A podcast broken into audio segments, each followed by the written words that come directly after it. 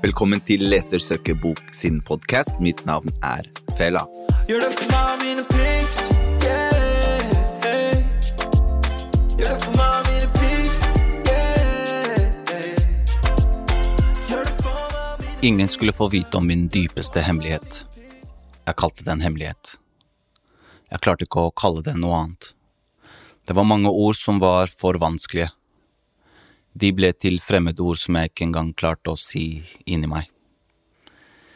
Det du hørte nå, er en tekst fra Leons hemmelighet av Thor Fredheim. Vi skal snakke om skeiv litteratur og identitet. I dag har vi med oss en veldig spennende gjest, Karl Martin Eggesbø. Hei, Karl Martin. Hallo. Går det bra? Ja, syns det. Det er litt uh, regn ute i dag, men uh, vi klarer oss likevel. Nå er vi inne. Kan snakke om bøker og fine ting. Ikke sant? Ja. Vi skal snakke litt om eh, bøker. Vi skal snakke litt om, om deg. Jeg, blir- jeg er litt sånn nysgjerrig på, på, på deg og karrieren din. Em, er Leons hemmelighet en favorittbok? Altså, jeg har lært meg egentlig Nå har jeg lest denne boken to ganger, og jeg har lært meg Jeg liker, likte den faktisk bedre andre gang jeg Jeg likte den første gangen, men jeg likte den enda bedre andre gangen jeg leste den. Og jeg syns ehm, Ja, den har eh, Jeg kan kjenne meg litt igjen i historien til ja. gutten som, som forteller sin historie da, i denne boken. I Leons hemmelighet. Fordi da er det vel eh, Hva skal man kalle det? Er det, er det liksom skeiv litteratur som er liksom Ja, det er en sånn her Kan man si sånn vokse opp Det er en ungdomsbok. Den går vel innenfor kategorien skeiv litteratur, for det, jo, det, jo, det handler jo om en fyr som forelsker seg i en annen gutt. Han skal på kino, og så får han en billett av en, av en random gutt. Av en random fyr. Jeg syns det er en veldig søt historie, da, for at, uh, hvordan de møtes. For at han er en fyr som, eh, som liker Han er veldig glad i film, han liker å gå på kino. Ja. Og så treffer han da Står det eh, en dag han skal på kino, så Ja. står det en fyr utenfor på hans alder. da Bendik. Nei, Jo, Bendik. Det, det er Bendik. Ja, Leon er vel han hovedpersonen, og så møter han da Bendik utenfor, uh, utenfor uh, kinoen. Og Bendik han står der med to billetter, så sier han bare Du, jeg har en ekstra billett, har du lyst til å være med på kino? Helt sånn casual, helt rolig. Og så blir han veldig satt ut, han Leon, og tenker sånn Ok, hvorfor skal du gi meg en hva, hva? For han nøler egentlig. Ja, han nøler litt. Altså, hva er det du vil? Hvorfor skal du, hvorfor skal du Ja. gi meg en billett? Jeg, jeg kan godt kjøpe min egen billett. Og så sier han sånn Nei, jeg bare jeg har en ekstra billett. Hvis du vil ha den, så kan du ta hadde til om du har lyst til å bli med. Og så sier egentlig han Leon nei. Uh, han virker som han ikke tør helt det, da. Og da sier Bendik, som står der med to billetter, sier sånn Ok, da får jeg bare kaste den ekstra billetten, da. Og da ombestemmer plutselig Leon seg og tenker sånn Ok, du kan ikke kaste billetten, da kan jeg liksom godt få den. Og så drar de sammen på kino. Ja. Og så staker han Leon ja, Mm. etter hvert. Er det det som Nei, og så er det liksom Jeg tror at det som skjer, er de tør egentlig ikke helt Det er tydeligvis at de, de liker hverandre litt, da. Ja. Men så Og etter de har vært på kino, så følger Er det vel Leon som følger Bendik hjem. Men så Ja. snakker de ikke noe mer. Ja. Og så blir de begge litt sånn nysgjerrige på hverandre. Mm. Men uten at de kanskje vet at den andre er nysgjerrig, da. ja. Og så følger vi Det er jo Leon uh, sitt blikk da vi ser historien gjennom. Så vi følger på en måte hans liksom reise liksom fra denne usikkerheten. Hva er det han kjenner på til denne andre gutten? Mm. Ehm, hva Altså, er vi bare venner, eller liker jeg han mer? Eh, og, og så blir han Så begynner han da liksom å følge etter denne Bendik. For da, og så er det Og så har de kontakt med hverandre på telefon uten at de veit selv hvem de snakker med. Det viser at? Bendik han driver og Han har funnet da Leon på noen sånne sosiale medier, kanskje det er noe Facebook, tror jeg. Ja. Og sender han noen sånne liksom, kryptiske meldinger Eller han får, nei, han får noe, jeg tror han får noen kryptiske meldinger kanskje på telefonen. Ja. Fordi Leon vet ikke at det er Bendik som sender disse meldingene. Riktig. Og så og jeg vet ikke om det er et forsøk på flørt, eller hva det er, men det er litt sånn creepy, egentlig. Ja, for det er litt sånn Det, det får sånn stalker-vibes. Ja, det er litt sånn stalker-vibes, egentlig. Jeg vet ikke hvorfor han driver med, han der Bendik, men kanskje han, han prøver å liksom flørte på en eller annen måte som bare ikke fungerer, som bare gjør at Leon, som også på en måte stalker Bendik eh, ikke, Han skjønner ikke helt hva som skjer, han vet ikke om det er Bendik som sender disse meldingene her, og så, og så blir han litt sånn satt ut av, det her. Eh, men jeg tror det, det som er litt søtt eh, altså Leon er jo litt sånn Det som er fint med denne boka, er at du får liksom følge tankene til Leon. Ja. Um, tenker sånn, Hvis man skulle laget en film av denne boken, her så, så hadde man ikke, man hadde ikke fått med seg alle disse tankene. Det er det som er Nei. vakkert med å lese boka, at du får komme liksom inn i Leons hode. Du får liksom vært med han når han går, liksom tankene han har liksom rundt sant, tankene om, om Bendik, og tankene han har om Ok, er han liksom Liker han andre gutter, og hva betyr det? Han tør ikke å si det til foreldrene sine. Han er liksom eneste gutt Han er eneste sønn, da, eneste barn i familien, og hva det vil si for han. da Mm. Ehm, så vi får liksom blitt med liksom på hans reise. Og skal ikke jeg røpe hvordan det ender til slutt, da. Om de uh... Går det på kino igjen? Eh, De går på kino igjen, det gjør de. Men eh, mer enn det vil jeg ikke si. Ok, greit. Leser du, leser du veldig mye skeiv litteratur? Nei, jeg har også brukt litt tid på Jeg har snublet over noen bøker, men, men jeg tror at det er noe som eh, Kanskje ja, det, det finnes veldig mange gode bøker, men som, hvis man bare leter. Men det er Men, Ja, eh, men eh, jeg har ikke lest så mye av det tidligere. Det er kanskje noe jeg har begynt å lese litt mer av i det siste. Og det er kanskje fordi at eh, jeg er homofil selv, mm. så jeg har tenkt at um, man prøver å, å finne litt sånn Jeg tror det er viktig å lese historier som man føler en slags tilknytning til, da. Som handler om en selv. Ehm, så den siste boken jeg leste, den, eh, den Det var James Baldwin. Han har skrevet en bok som heter Giovanni's Room. Og den ja, Den leste jeg på engelsk, men jeg tror det, jeg er sikker på at det finnes en norsk oversettelse. Og den, den syns jeg var veldig øh, vakker. Det handler jo om en, øh, om en fyr som Han tenker at han har likt jenter, og så møter han denne liksom unge, kjekke gutten på en bar som jobber som bartender. Mm. Og han har ja, Tingen er at han har en kjæreste som da bor i et annet land, som er på reise, og så møter han eh, en jentekjæreste, da. Ja. Og så møter han denne gutten her, og så oppdager han på en måte at han har en slags eh, tiltrekning til denne fyren. Og så utforsker han det, og så forvikler det seg når hun kommer da tilbake. Man blir liksom dratt mellom to forskjellige kanter. Skjønner. Og det tror jeg mm, Ja, man Jeg tror flere og flere kjenner seg igjen i det. At, eh, at noen ganger så Sånn er det med forelskelse, sånn er det med kjærlighet. At man, man vet ikke ja, Det er ikke helt det er ikke lett å definere hvem man er. Man finner ikke ut av det Man vet ikke det fra man er født, man finner det ut i løpet av livet.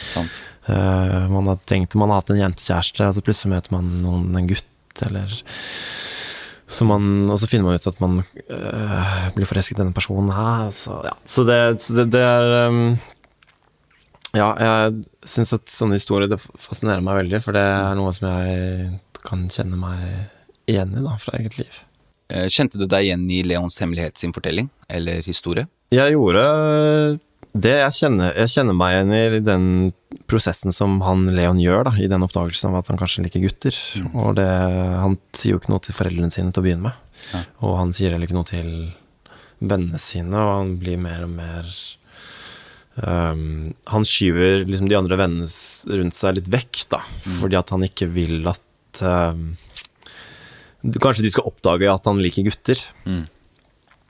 Og det kan jeg kjenne meg litt igjen i, at, at når man ikke Ja, hvis man ikke Når man ikke tør å, å vise hvem man er, eller man ikke har funnet, klart å finne ut av det, så er det også vanskelig å, å slippe andre inn til seg, da. Mm. Sånn at øh, Jeg kjenner meg igjen i liksom den prosessen der. Skjønner. Uh, mm. Hvor gammel var du egentlig når du leste den her for første gang?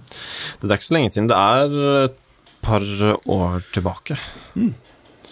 Så Er den gammel? Nå vet jeg ikke egentlig hvor, eh, når den kom ut. Det er 2016. 2016, ja. Siden vi snakker om boka ehm, Hadde det vært veldig fint hvis du kunne ha valgt et lite utdrag eller en side eller Eller ehm, et par setninger, eller hva Egentlig hva som helst fra boka. Absolutt. Har du Har du snakket om denne boka her før? I andre anledninger? Jeg leste jo fra denne boka her på Litteraturhuset i fjor. Ja. Så da snakket jeg ikke så mye om boka, men jeg leste fra boka. Ja. Mm. Hvis du har et parti. Jeg skal finne et parti her, vet du. Mm, mm, mm. Dette er da side 35. Og da er, eh, da er vi litt inne i boka. Det er liksom Er det spoiler alert? Nei, det er ikke det. Det er ikke det vi har snakket om. vi har jo spoila en del allerede. Det går, det går liksom rett på sak, da. da tenker Bendik om Det står skrevet dette her, da. Forelsket en gutt? Spørsmålstegn. Jeg. Bendik. Og så sa jeg Gud. Halvhøyt og ut i løse luften. Gud. Jeg fant ikke på noe mer å si. Hvis det er Gud som har skapt meg sånn, tenkte jeg, så har han kanskje visst det hele tiden. Og da trengte jeg ikke å minne ham på det. Men jeg kunne kanskje be han om å glemme Bendik. De sier at det er mye lettere nå, og det kan de si som ikke vet hva de snakker om. De snakker om andre og ikke om seg selv.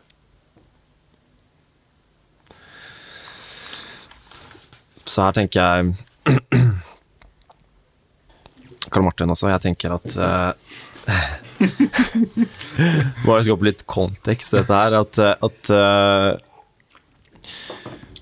at eh, Kan du si at vi har kommet lenger i dag? det er lettere, kanskje lettere å være skeiv i dag, annerledes i dag enn det var for bare noen år tilbake.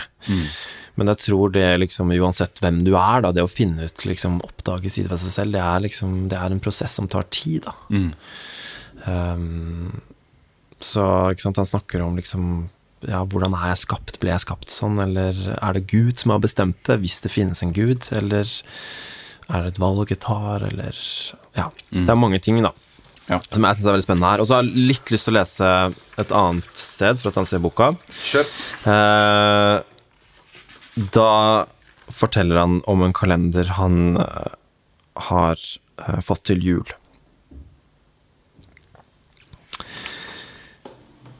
Ja, hvis jeg hadde fått denne kalenderen bare ett år tidligere, så hadde jeg kanskje gjemt den innerst i skapet og latt den bli der til den var for gammel og ubrukelig. På kalenderen så var det bilder av kyss fra filmer. Og det var et nytt kyss fra hver, for hver måned. Og det ble kysset fra januar til desember, selv om ingen av kyssene egentlig hadde noe med årstidene å gjøre. Det var berømte kyss fra gamle filmer som jeg ikke ennå hadde sett. Og den som kysset aller best i denne kalenderen, det var Marilyn Monroe.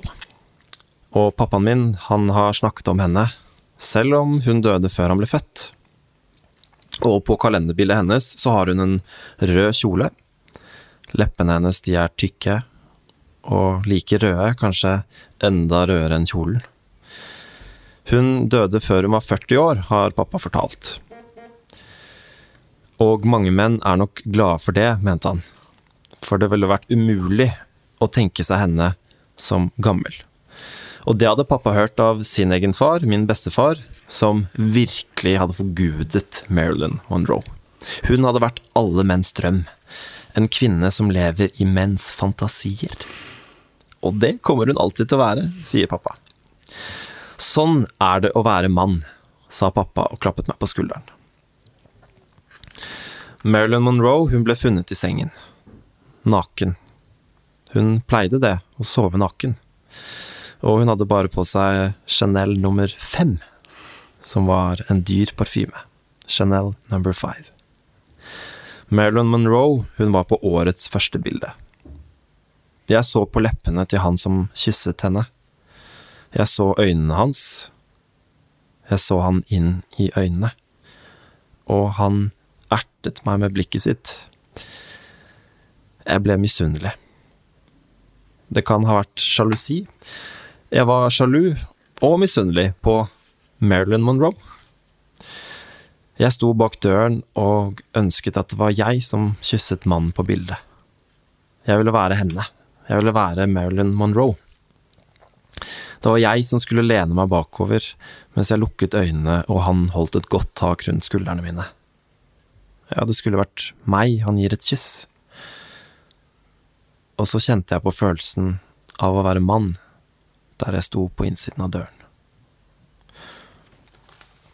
Så det er Ja, jeg syns denne delen her er veldig fin, for den, det handler om det for meg, da, ikke sant, å kjenne seg igjen i noe annet enn det Ja, i dette tilfellet pappaen til Leon kjenner seg igjen i, Han Han skulle ønske at han kunne kysse Marilyn Monroe, mens Leon her skulle ønske at han kunne være Marilyn Monroe som kysset mannen. Mm.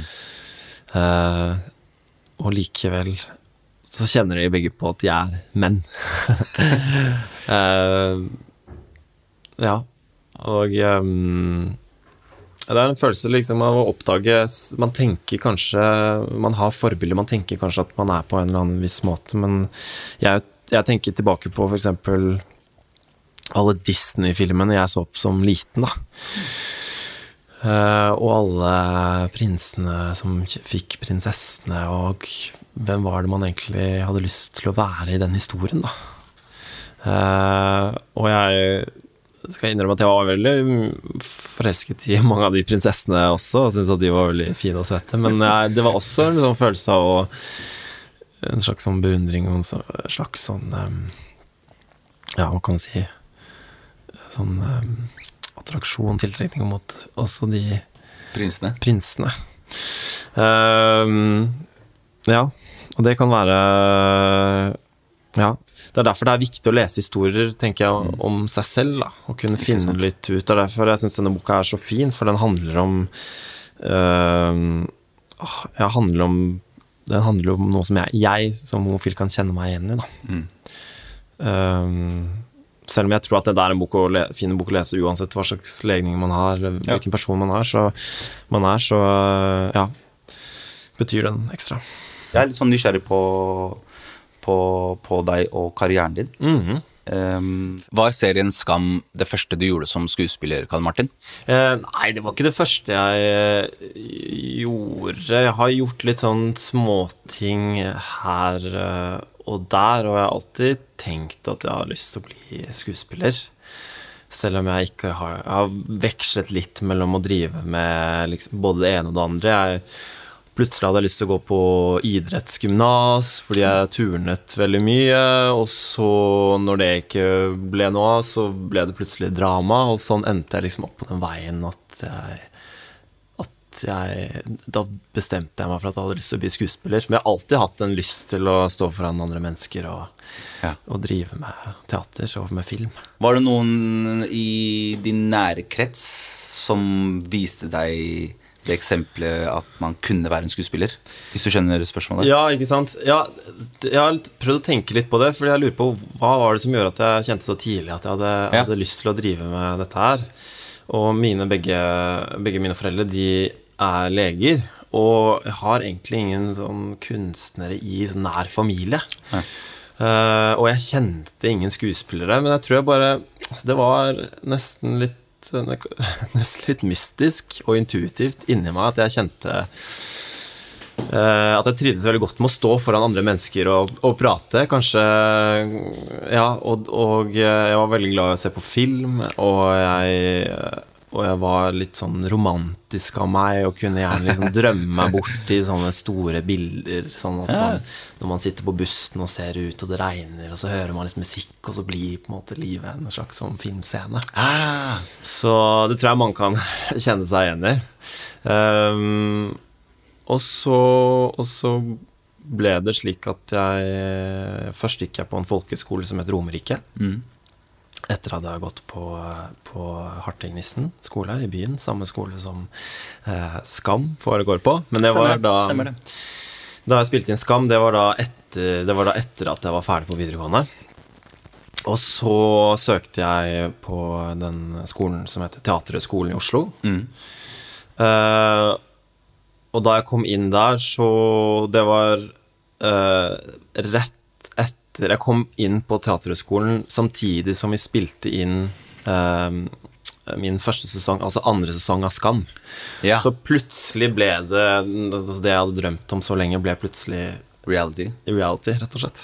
Ja, fordi du fullførte, du fullførte skolen mens dere drev med opptak. Mm. Så i løpet av førsteåret på Teaterhøgskolen så spilte vi inn da både tredje og fjerde sesong av Skam, da.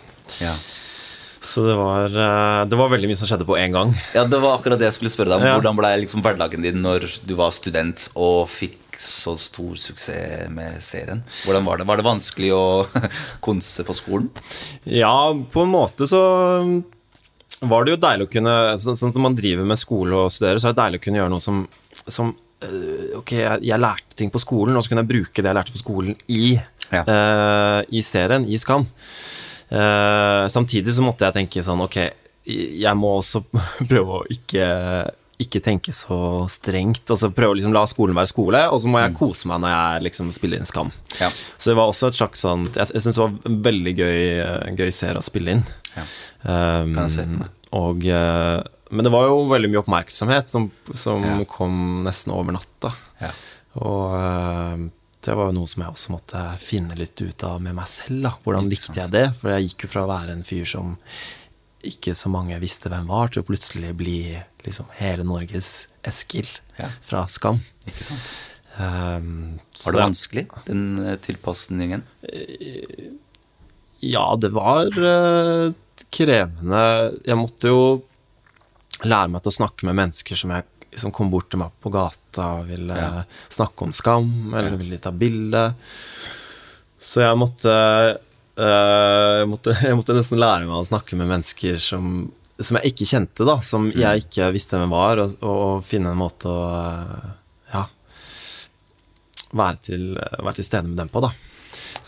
Og noen ganger så vil du bare være Hvis du har en dårlig dag, og det regner ut, og du er lei deg, eller du, har noe på, du er stressa, eller så vil man gjerne være alene. Men da, da kan det være litt sånn uh, vanskelig når uh, alle vet hvem du er. Og, Ikke sant? Ja. Det er noe med det å, å være en helt vanlig kar til over natta bli liksom alle Norges Mm. Eskil, som du sier. Jeg kan følge på at Eller jeg kan se for meg at det kan være en sånn En prosess som tar litt tid. da Og liksom tilpasse seg, og, og ikke minst liksom For jeg tenker man, man, man lærer jo mens man er i det, Mm. og mens, mens det foregår. Du må tilpasse deg til eh, Ja, man må bare lære mens ting skjer. Og så måtte jeg også finne ut Det som var spennende, og som er spennende når man er skuespiller, er jo at man jobber jo med så mange ulike karakterer. Ja. Og det var også interessant for meg å oppdage at mange av de som kom bort til meg på gata, eh, tenkte jo at jeg var eh, Eskil fra Skam i virkeligheten. Ja. Og det Vi har jo mange ting til felles. Jeg tror at jeg og Eskil syns at mange av de samme tingene er veldig gøy. Ja. Men jeg fikk også behov for å finne ut sånn Hvem er jeg som Karl Martin, og hvem er Eskil? Hvilken del av meg er det som Eskil, og hvilken del er det som bare er Ja. Karl Martin? Så det var jo et slags sånn krasjkurs i å bli kjent med meg selv også. Ja, ikke sant. Når Skam var ferdig, og skolen var ferdig, hvordan, var, eh, hvordan var hverdagen din da? Fikk du, eh, ble du liksom kasta ut i jobb med en gang? Hadde du jobb som venta på deg etter Skam? Eller var det noe som du måtte liksom Finne ut av søke etter. Ja, ja, jeg, Søkte du ganske ja, jeg søkte på ulike jeg var veldig, Det var veldig fint å gå på skole, for da, kan man jo, da er man jo litt trygg. Ja. Og så kan man finne litt ut av hva man liker å drive med. Og man er, da vet jeg at nå skal jeg gå på skolen i tre år. Ja. For det var det Teaterhøgskolen den varte i tre år. Og så på, mot slutten så tenkte jeg ok, hva er det jeg har lyst til å gjøre? Jeg har lyst til å jobbe med teater. Jeg har lyst til å jobbe med film, TV. TV. og da søkte jeg noen teatre og kom i kontakt med en regissør som jeg eh, møtte da jeg var på, jeg var på utveksling et halvt år i Amsterdam. Ja. Og da møtte jeg en eh, regissør som skulle sette opp Per Gynt i Tromsø. Så det var min første jobb etter uh, Teaterhøgskolen. Ja. Det var en dame som jeg syntes var veldig kul å jobbe med, som jeg hadde veldig lyst til å være, jobbe med, og så fikk jeg liksom kontakt med henne, og så, og så, og så dro jeg rett opp dit etter at jeg var ferdig med skolen. Hvor mange forestillinger hadde dere da? Jeg tror vi hadde nesten 30 forestillinger. Så vi spilte eh, ja, tirsdag, onsdag, torsdag, fredag, lørdag. Wow. Så hadde jeg fri på mandager.